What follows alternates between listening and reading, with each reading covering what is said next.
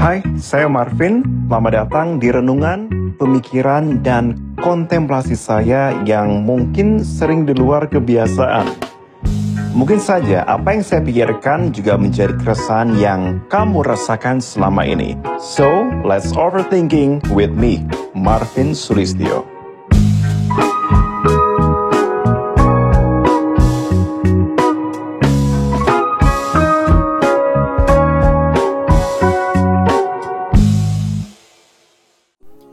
And welcome back to Overthinking with Marvin. Apa kabar kalian semuanya? Wow, cuaca sedang hujan di Jakarta. Bagaimana di daerah kalian? Semoga tidak sedang badai ya. Ini cuacanya pas banget buat overthinkingin sesuatu ya. Kayak topik kali ini. Anyway, terima kasih buat kalian semua yang kasih pertanyaan-pertanyaan secara pribadi ke gue uh, ke akun pribadi Marvin Sulistyo atau kalian bisa juga kasih di overthinking uh, Marvin akunnya untuk pertanyaan-pertanyaan. Tapi mostly pertanyaan yang masuk ke gue itu adalah gini, uh, banyak banget yang respon tanya mengenai keadaan yang sekarang tuh gimana kok gitu enaknya. Uh, gini sih gue bilang ya, gue sih bukan ahli minimalis ataupun pengubah mindset, tapi gue akan mencoba untuk membantu meluruskan mindset yang sering kebobolan alias sama seperti gue gitu ya banyak sekali godaan-godaan ketika masuk ke Miniso atau masuk ke supermarket atau masuk ke mana pun pokoknya yang rawan untuk belanja-belanja karena banyak promo alias Tokopedia ataupun Shopee dan lain-lain gue juga masih kayak gitu so tenang aja kita belajar rame-rame kita bareng-bareng nih kita mengubah mindset kita untuk lebih sehat oke okay? smart konsumsi oke okay? Jadi kita harus mengonsumsi sesuatu dengan sangat pintar. Gitu.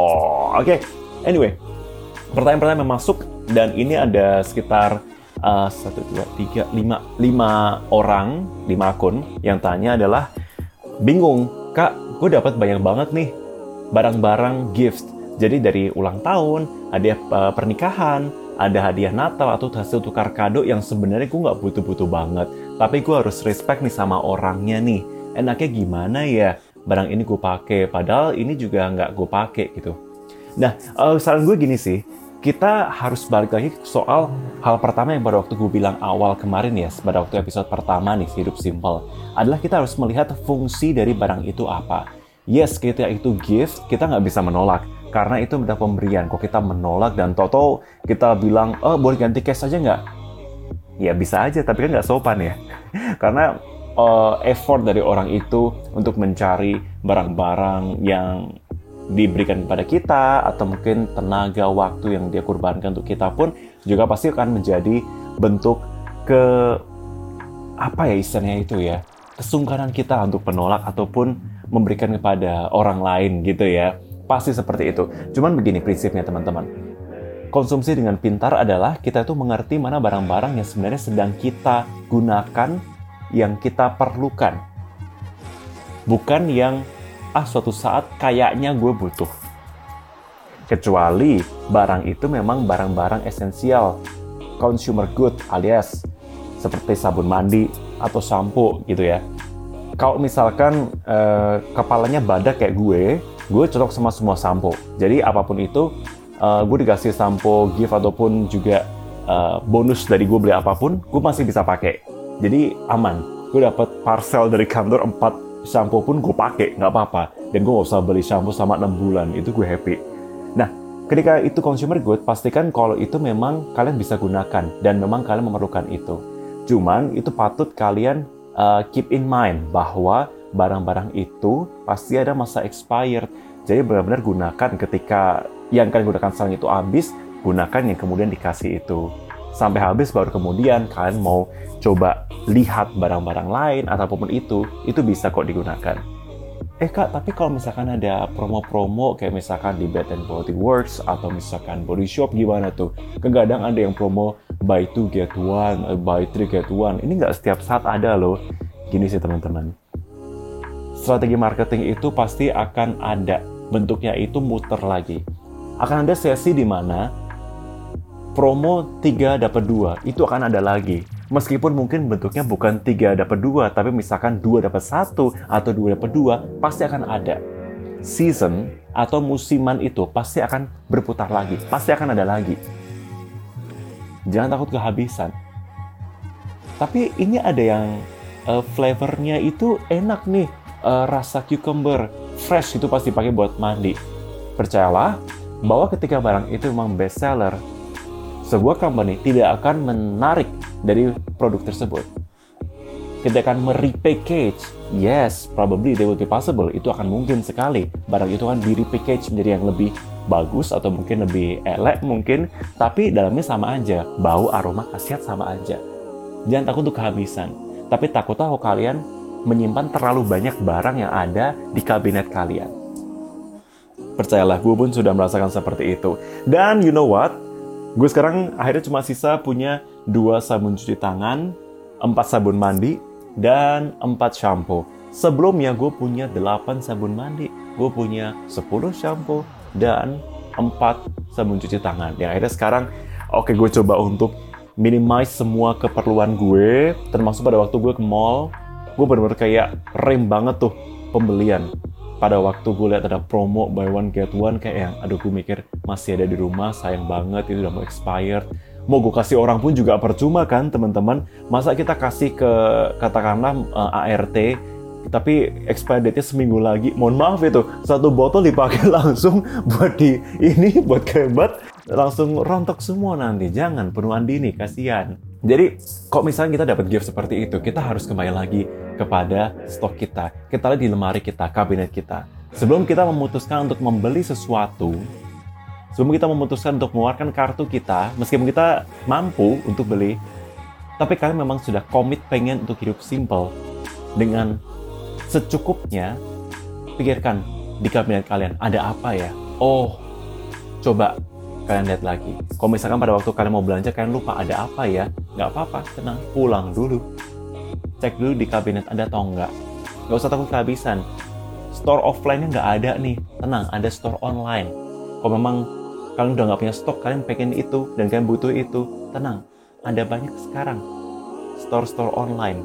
Banyak banget orang yang beli-beli ngeborong-borong di toko offline, sama dia dijual lagi di uh, merchant merchant-merchant online, nggak masalah, kan bisa beli. Pasti harganya ada yang mumpuni kok dan barang apa kok memang kalian membutuhkan memang itu jadi milik kalian pasti akan jadi milik kalian kok. Apa pun caranya kapan pun situasinya. Gitu. Nah kemudian mengenai gift juga kok barang-barang nggak bisa kalian konsumsi? Apa yang bisa kalian lakukan ya di sini? Nah kalau misalkan anduk gitu ya kan nggak bisa kalian gunakan habis gitu nggak ya? Tapi anduk yang ada misalkan inisial dari pasangannya gue pribadi sih gue nggak malu ya. Gue pakai lah itu teman-teman. Ada tuh ada inisialnya misalkan SM gitu RT gitu ya. Tapi bahannya tuh enak. Ya udah gue pakai aja buat anduk. Lumayan. Kita beli anduk fine quality. Quality yang bagus kok di mall berapa tuh? 300 ribu. 200 ribu. Ini retong. Dapat. Kan lumayan sebenarnya bisa dipakai. Jadi gitu.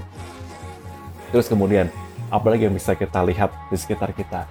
Oh, bumbu masak nih, kopi-kopi nih. Kita lihat dulu nih, kita seberapa sering kita masak di rumah. Seberapa sering kita belanja karena kita males, mager buat masak. Kalau memang kalian mager dan hobinya beli makan, ya udah beli-beli makan aja. Bumbu ya penting kita ada, tapi secukupnya aja yang ada di sekitar kita. Kenapa beli secukupnya aja? Simple Takut kalau nggak kalian pakai tau tuh udah expired, udah kadaluarsa. Nyeseknya kayak gimana? Mungkin kita udah lupa betapa kita meluarkan uang itu beberapa bulan yang lalu. Tetapi kok kita pikirkan lagi, kita overthinking kan lagi, kan sayang ya. Kita beli belanja banyak meskipun mungkin hanya 50 ribu, 40 ribu. Tapi kok nggak dipakai jangan cuma buat pajangan aja dan kemudian termakan oleh waktu nggak dipakai buat apa sayang banget kita bisa beli hal lain bisa beli tanaman. Bisa kayak gitulah contohnya teman-teman. Terus kemudian ada juga pertanyaan yang bilang gini kak boleh nggak sih yang tersimpan sangat banyak di lemariku itu aku kasih ke orang lain? Boleh nggak masalah. Prinsipnya gini gifts yang sudah diberikan kepada kita akan menjadi milik kita. Cuman yang kadang memang menjadi pertimbangan banyak orang adalah kepatutannya kadang ada yang terlalu berani. Barang-barang hasil endorse, barang-barang hasil dikasih orang, sama dia langsung dijual terang-terangan di Instagram. Adalah orang yang kasih itu follow. Ya sebenarnya sih nggak masalah asal udah minta izin dan dia pun juga fine gitu ya ketika dijual. Nggak masalah. Tapi kadang ada yang lupa tuh ya. Meskipun kita bilang Allah santai aja udah punya kita. Nggak usah pikir-pikir lah ya kan kita hidup di uh, Jawa ya. Kadang hidup di Indonesia juga nih. Uh, aspek dari kesungkanan kepatutan itu juga harus menjadi pertimbangan kita teman-teman. Nggak bisa kita langsung seakan-akan langsung oh ya udah nggak nggak nggak punya kita udah pokoknya terserah punya kita pokoknya. Gak bisa gitu. Kita harus tahu juga mana barang-barang yang bisa kita kasih orang tanpa kita harus publish di ruang publik. Contohnya, gue sering untuk melakukan garage sale karena gue sering sumpek sendiri melihatin rumah yang makin banyak barang-barang.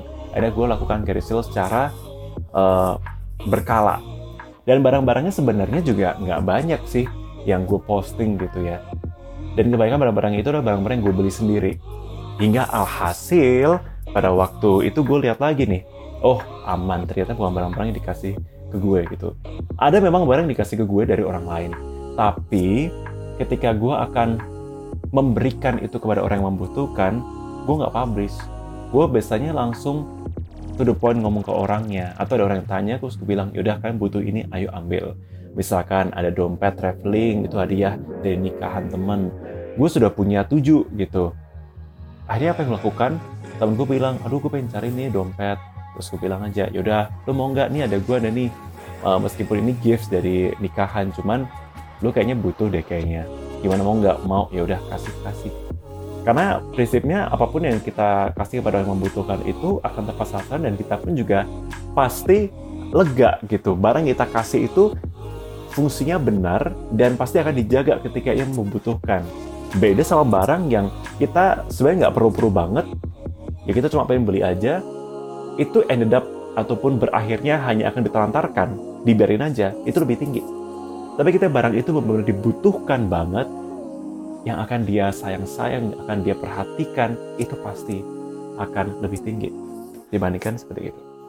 Ada satu bacaan yang selalu gue baca dari tahun lalu selain dari Fumio Sasaki, Marie Kondo, yakni buku All You Need Is Less dari Vicky Friend. Ini gue dapetin dari Singapura kayaknya ya. Di sini gak ada yang jual. Jadi gue agak sombong. Ini ada tipe-tipe mengenai apa pun yang kita butuhkan itu sebenarnya less. All you need is less. Semua yang kita butuhkan itu sebenarnya tidak sebaik yang kita punya sekarang ada satu bab yang dia tuh nulisnya gini, stop, think, and save. Berhenti, pikir, save, simpan. Dan ini langsung kalimat pertamanya menohok banget. If you are a real shopping addict, kok kamu mau benar-benar shopping addict banget, coba tips ini deh untuk kontrol semua spending habit kamu. Yang pertama, bikin inventory all semuanya, everything yang kamu sudah punya. Ya, saya tahu lah barang-barang kamu pasti ribuan di rumah kan. Kita mulai dari yang paling kecil aja, misalkan dari satu lemari pakaian. Kita lihat apa yang udah kita punya. Kita punya blus, kita punya kaos, kita punya celana dan lain-lain. List di sana. Berapa banyak kamu punya? Dan ketika kamu sudah melihat uh, item-item tersebut, listnya seperti apa barang-barang itu, kamu catat, kamu akan tahu kemudian, oh berapa banyak gue punya nih ternyata. Ah gue punya banyak ternyata di sini. Ya udah ketika lo beli lo pasti akan ada kepikiran bahwa eh bentar gue udah punya banyak banget nih. Meskipun ya ujung-ujungnya pasti ada kan ada YOLO lagi ya. You only live one ya udah mending beli deh daripada nyesel. Ya well yang penting kalian sudah tahu kalian sudah sadar bahwa kalian sudah punya barang-barang banyak di rumah. Kesadaran bahwa kalian ini sudah punya barang itu dan pasti akan aduh makin penuh. Kesadaran itu sebenarnya sudah step awal yang bagus. Menyadari realize itu. Kemudian kedua ketika kita itu tempted kita tuh pengen banget untuk membeli sesuatu stop dan tunggu. Kalau bisa kalian pulang dulu jalan-jalan dulu. Balik lagi. Besoknya. Atau kalau ekstrim minggu depan. Atau kalian udah pro dua jam lagi. Kalian tinggal ngapain kayak makan nonton film. Balik kalian keluar sana kalian masih kepikiran nggak tuh barang kalau memang masih kepikiran banget coba kita move ke next step. Tapi kalau misalnya udah nggak kepikiran sih, berarti itu hanya keinginan sesaat aja di sana. Ketiga, pikirkan apa yang bisa kamu lakukan dengan uang ketimbang kita membeli sesuatu yang mungkin kita juga mencari excuse untuk barang tersebut dibandingkan kita tahu itu untuk kita perlukan dan komparasikan dengan uang yang kita punya dan kita transfer untuk personal saving kita. Coba kita pikirkan deh. Gue pengen beli baju bagus di Zara. Kayaknya sih bagus. Kayaknya sih gue perlu ya kayaknya ya. Kayaknya itu. Kayaknya itu duit 800 ribu. Lu saving buat beli saham di platform reksadana or uh, apa pun itu. Lu bisa buat saving buat masa depan sih kayaknya jadi udah kayak gitu coba kalian pikirkan value-nya kalian timbang-timbang di sana terus kemudian setelah kalian mencoba untuk menimbang-timbang di sana step berikutnya ini udah agak beda ya katakanlah kalian udah pulang dari mall kalian lihat HP lihat email ada banyak subscribe nggak misalnya dari The Body Shop misalkan dari The Bed and Body Works atau dari toko-toko baju mana pun itu Zalora or something coba kalian unsubscribe Supaya apa? Kadang kita ada tulisannya diskon 50 plus 50 tambah 30. Wih, banyak banget diskonnya. Ketentuan berlaku minimal 1 juta belanja. Padahal mohon maaf kita belanja mampu 300 ribu gitu. Nggak dapat juga itu promonya. Baik, jadi tempted untuk kita masuk ke sana itu boleh lah kita lakukan untuk lihat-lihat window shopping. Tapi beneran deh, kalian beneran perlu nggak sih dan duit segitu dan dengan kalian unsubscribe dari mailing list ataupun dari list list tadi itu kalian akan langsung nggak kepikiran gitu. Kalau memang kalian bisa sampai berhari-hari kepikiran aduh nggak dapat mailing list dari Zalora nih gue bingung nih. Ya udah. Berarti memang godaan itu belum cukup untuk membuat kalian menjadi seorang hidup simple tapi kalian masih pengen untuk nikmati hidup ya udah subscribe lagi. Tapi jika kalian sama seminggu itu kalian lupa bahwa oh ya gue udah nggak pernah uh, subscribe lagi udah nggak pernah dapet info soal Zalora lagi berarti kalian berhasil berarti memang itu bukan menjadi sebuah kebutuhan primer buat kalian even sekunder. Kemudian avoid atau hindari temptation di toko by being aware of the cunning tricks retailers use to tempt you. Misalkan di toko-toko yang bilang ya kita di diskon ini diskon itu dapat potongan ini potongan itu. Meskipun memang kita konteksnya misalnya kita gini ya kita memang pengen beli katakanlah sweatshirt atau baju olahraga uh, Uniqlo kita masuk terus kita pada waktu kita sedang coba-coba dibilang oh ya kak itu dapat diskon loh itu 25% oh oke okay, 25% ya udah kita butuhin sweatshirt doang kan? Beli sweatshirt doang berarti. Udah itu aja. 25% dari barang itu. Bukan kemudian mindsetnya 25% kalian di sana udah dapat lebih murah 50 ribu. Kalian cari barang lain lagi. Mumpung diskon beli lagi. Percaya deh dari yang awalnya budget kita 200 ribu buat belanja mesti kita bisa cuma keluarinnya 150 ribu karena diskon pasti akan tambah-tambah dan 400 ribu. Dan pada waktu kalian sampai rumah dan kalian mikir-mikir lagi pasti kalian bilangnya mumpung mumpung deh. Ya mumpung terus sih tapi bakal numpuk tuh. Keenam Ketika kalian sudah mulai untuk lebih ekstrem lagi di sini untuk menjalankan hidup yang sangat simpel dan pilih-pilih pada waktu sedang belanja, jangan mengambil items yang tidak ada dalam list kamu. Kita pengen belinya cuma celana dalam doang sama kaos kaki.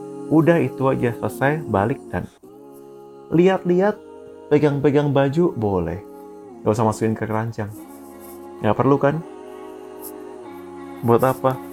baju masih banyak di rumah misalnya budget kita 100 ribu buat beli dua barang itu ntar tambah 500 ribu lagi nanti mestinya budget buat kita alokasikan buat apa gitu dua minggu lagi kita harus substitusikan pada waktu kita gajian nggak enak lihat gaji kurang lihat uh, saldo ATM kurang nggak enak itu dan terakhir saran dari All Unit is Less adalah kalau kamu memang harus membeli item tertentu pikirkan ke depan dan make sure kamu punya ruang untuk menyimpan itu, untuk menaruh itu. Kalau enggak, ya jangan. Kenapa? Numpuk lagi. Cuman mindsetnya ketika kalian melihat ada ruangan ataupun lemari kabinet itu, kemudian kalian tahu, oh cukup, taruh itu barang, udah. Jangan kemudian mumpung masih kosong kita beli lagi. Jangan. Kenapa kok kayak gitu? Kalian bakal cari ruang dan ruang lagi dan ruang lagi. Tapi pastikan mindset kalian pada waktu akan menaruh di ruang sana adalah, ah udah oke okay, ini aja. Oke, okay, nanti gue taruh buat barang-barang lain yang ada di lemari lain supaya gue bisa menciptakan ruang kosong di sini. Jadi gue jadikan satu tempat aja dan itu baru prinsip yang benar. Sebenarnya hidup simpel itu simpel tapi susah, iya kan? Bingung nggak kata-kata itu? Bener kan? Kalian tuh pengennya hidup itu benar simple untuk enjoying life dengan apa yang kalian punya. Tapi godaan-godaan yang ada, komparasi-komparasi dari teman-teman kalian atau lihat di media sosial itu godaan terberat. Dan ketika kalian sudah menjadi seorang dengan hidup simple, kalian akan tahu berapa barang yang kalian beli dan berapa yang harus kalian keluarkan di sana. Prinsipnya gini, gue punya tanaman di rumah itu 100. Sekarang gue ada 75 kurang 25. Beberapa ada yang gue titipkan di penjual, ada yang gue lepas, gue jual, ada yang gue kasih ke temen, ada yang ya gue kasih sebagai gift.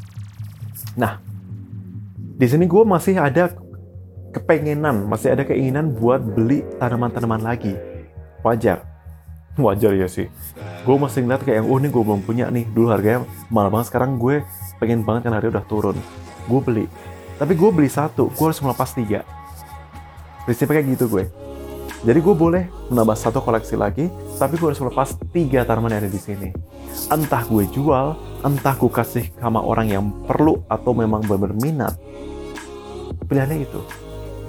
Tapi kalau misalnya kita nggak ada dan kita sayang-sayang terus ya jangan menambah. Kita tahu bahwa space kita sudah sangat terbatas.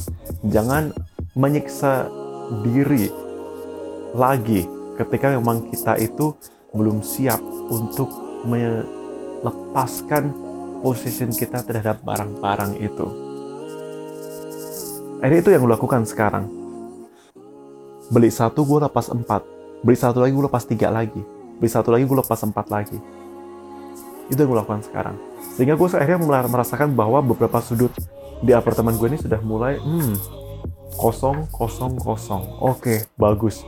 Peningkatan berarti Marvin. Good job. Dan ketika gue bangun tidur pagi hari gue jalan ke living room. Gue melihat sudah kosong dan ada sinar matahari. Dan kita merasa bahwa barang-barang kita sudah mulai berkurang di sini. Perasaan itu tuh priceless loh. Seneng banget rasanya. Happy.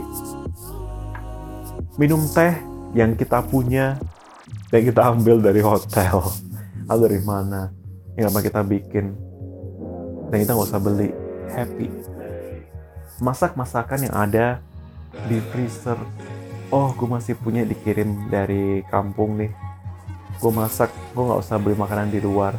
Gue nggak usah turun ke bawah ambil gojek atau GoFood atau GrabFood or something. Tapi gue bisa cukup masak di sini. Gue happy. Gue dapat parcel makan makanan baku kornet lah sarden di atas. Gue masak. Gue udah cukup buat makan sehari cukup happy. Kita nggak usah ngeluarin duit lagi. Dan ketika kalian sudah merasakan itu paling nggak kalian coba untuk hidup pintar maksimalkan dengan apa yang kita punya di sini. Tiga hari aja coba deh. Kalian akan ketagihan kok hari keempat kelima dan keenam. Ya, itu berasa banget. Pasti itu puas. Dan ketika kita masuk ke mall godaan kita melihat ke kiri ke kanan itu akan kurang juga teman-teman. Coba deh praktekkan dari sekarang. And good luck.